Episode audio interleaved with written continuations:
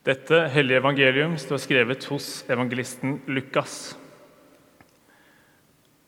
På reisen til Jerusalem dro Jesus fra by til by og fra landsby til landsby og underviste. Da var det en som spurte, 'Herre, er det få som blir frelst?' Han sa til dem, 'Kjemp for å komme inn gjennom den trange døren.' For jeg sier dere, mange skal forsøke å komme inn, men ikke klare det. Når husherren først har reist seg og lukket døren, og dere blir stående utenfor og banker på og sier, 'Herre, lukk opp for oss', da skal han svare, 'Jeg vet ikke hvor dere er fra'. Da vil dere si, 'Vi har jo spist og drukket sammen med deg', og du har undervist på gatene våre.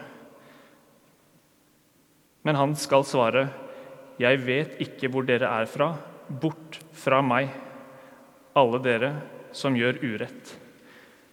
Der skal dere gråte og skjære tenner når dere ser Abraham og Isak og Jakob og alle profetene i Guds rike, mens dere selv blir kastet utenfor.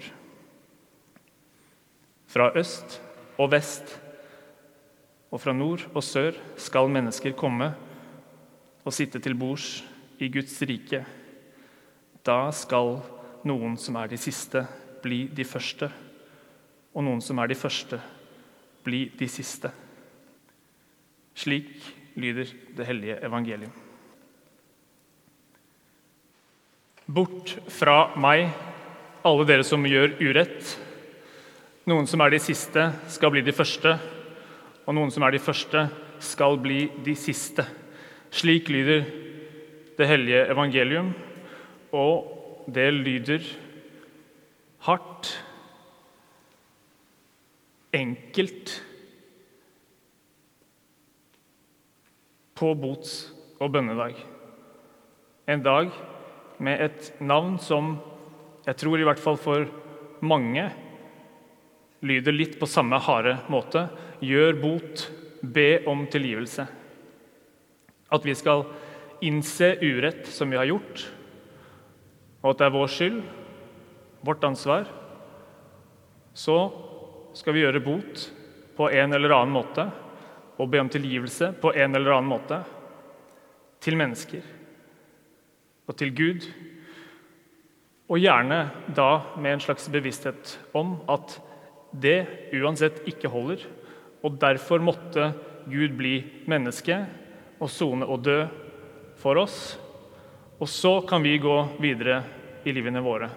Bot før tilgivelse. Soningsdød før liv.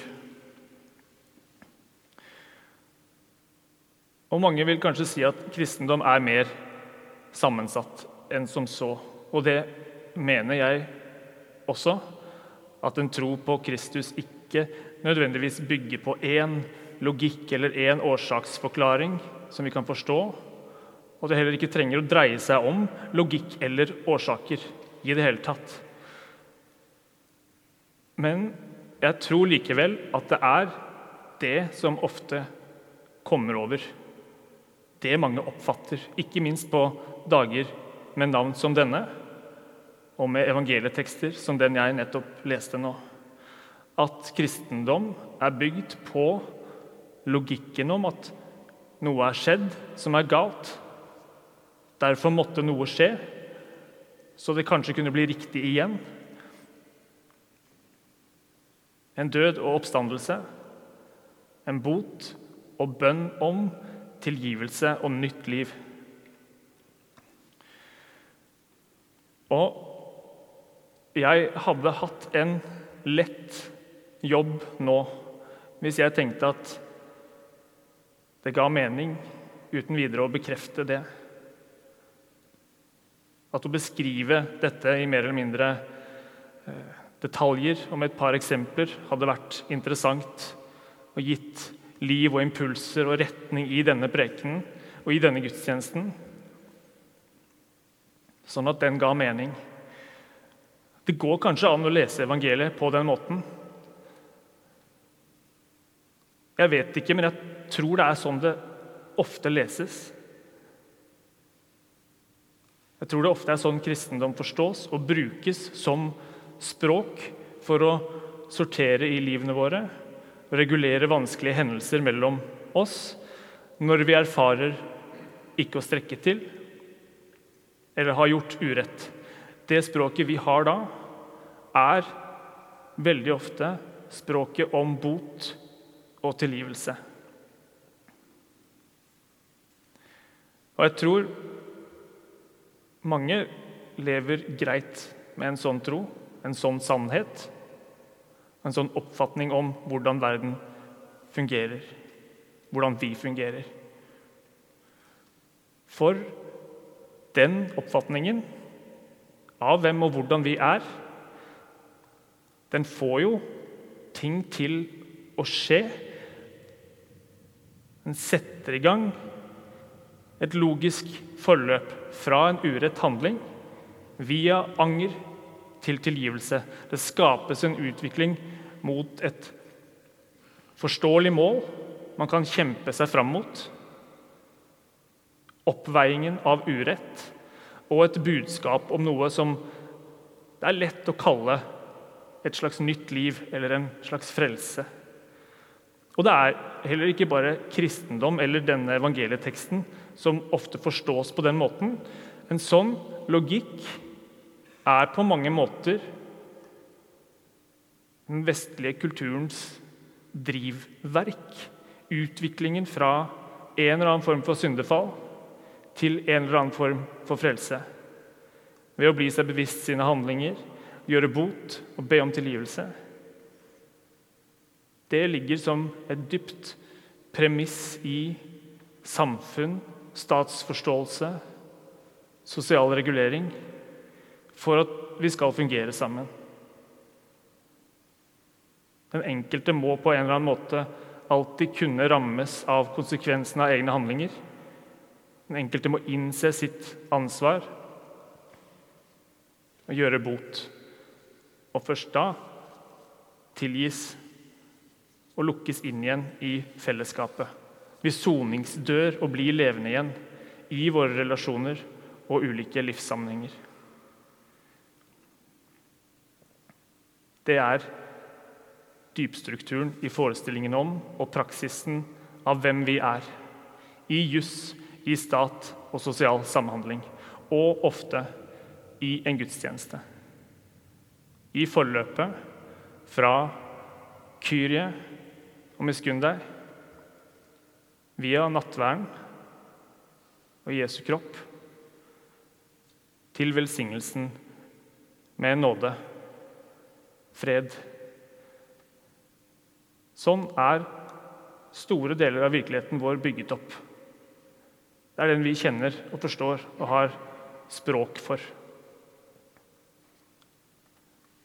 Og derfor er erfaringen av ikke å fortjene det som er godt, f.eks. ikke fortjene en god relasjon, ikke fortjene å komme inn til et fellesskap med fest og mat, dypt forankret i oss. Jeg tror det er derfor en tekst som den jeg leste, kan oppleves å synke så hardt i oss. Jeg kjenner dere ikke. Bort fra meg. Det er dypt menneskelig å tenke at man ikke fortjener. Når man har kastet bort sjanser, relasjoner, tid, tillit. Skammen man kan kjenne ved det, og ønske om å gjøre bot for det. Jeg forsøker ikke å si at det ikke er viktige signaler som vi kjenner på kroppen og skal kjenne overfor hverandre, det er samvittighet og tilknytning overfor medmennesker, familie, barn. Men jeg mener at skyld og anger ikke fungerer som grunnlag for en gudsrelasjon.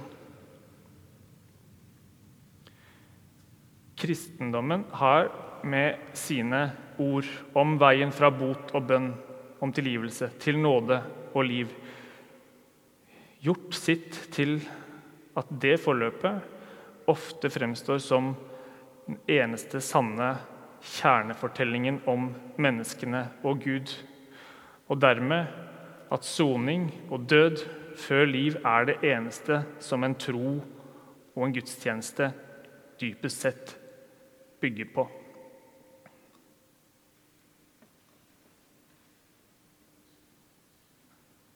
Kan det være noe annet? Kan en messe nettopp på bots- og bønnedag tydeliggjøre noe annet? Nemlig erfaringen av ikke å være skyldig overfor Gud. Erfaringen av ikke å kjenne behov for å be Gud om tilgivelse. Og derfor også hvor meningstom Guds død og oppstandelse, hvis den bare skal forstås på en sånn logikk, kan kjennes.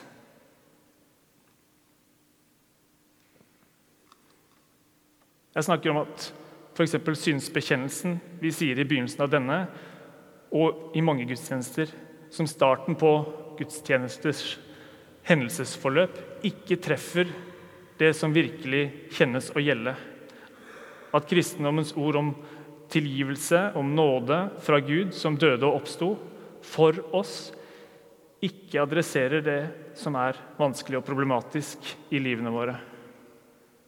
Når relasjoner ikke blir noe av, blir borte, når sykdom rammer, når jordkloden ødelegges Hva er det å gjøre bot da? Hva er det å be da? når vi bekjenner våre synder, eller nå etterpå når vi holder nattvær, hva er det som skjer da? Hva og hvem er vi da? Som kan forstås som noe annet enn skyldige overfor Gud. Kan Kyrie eller nattvær eller velsignelse skje her uten å være fundert i forestillingen om at vi ikke fortjener men heller som et naturlig, åpent krav til Gud om vår rett som skapt av Gud til det Gud har og er. Til liv. Ikke overfor Gud, men overfor alle bortviste alle de siste blant oss gjør vi bot. Det er overfor dem vi skal be om tilgivelse for at vi ikke har tatt vårt ansvar. Overfor dem er vi alle skyldige alltid. Ved å synge Kyrie, credo om oppstandelsen, du Guds lam som bærer verdens synder, ved å lyse og ta imot velsignelsen, ber vi, synger vi kravet til Gud om retten til fellesskap og liv. Ære være Faderen og Sønnen og Den hellige ånd, vår skaper, frigjører og livgiver, som var, er og være skal en sann Gud fra evighet og til evighet.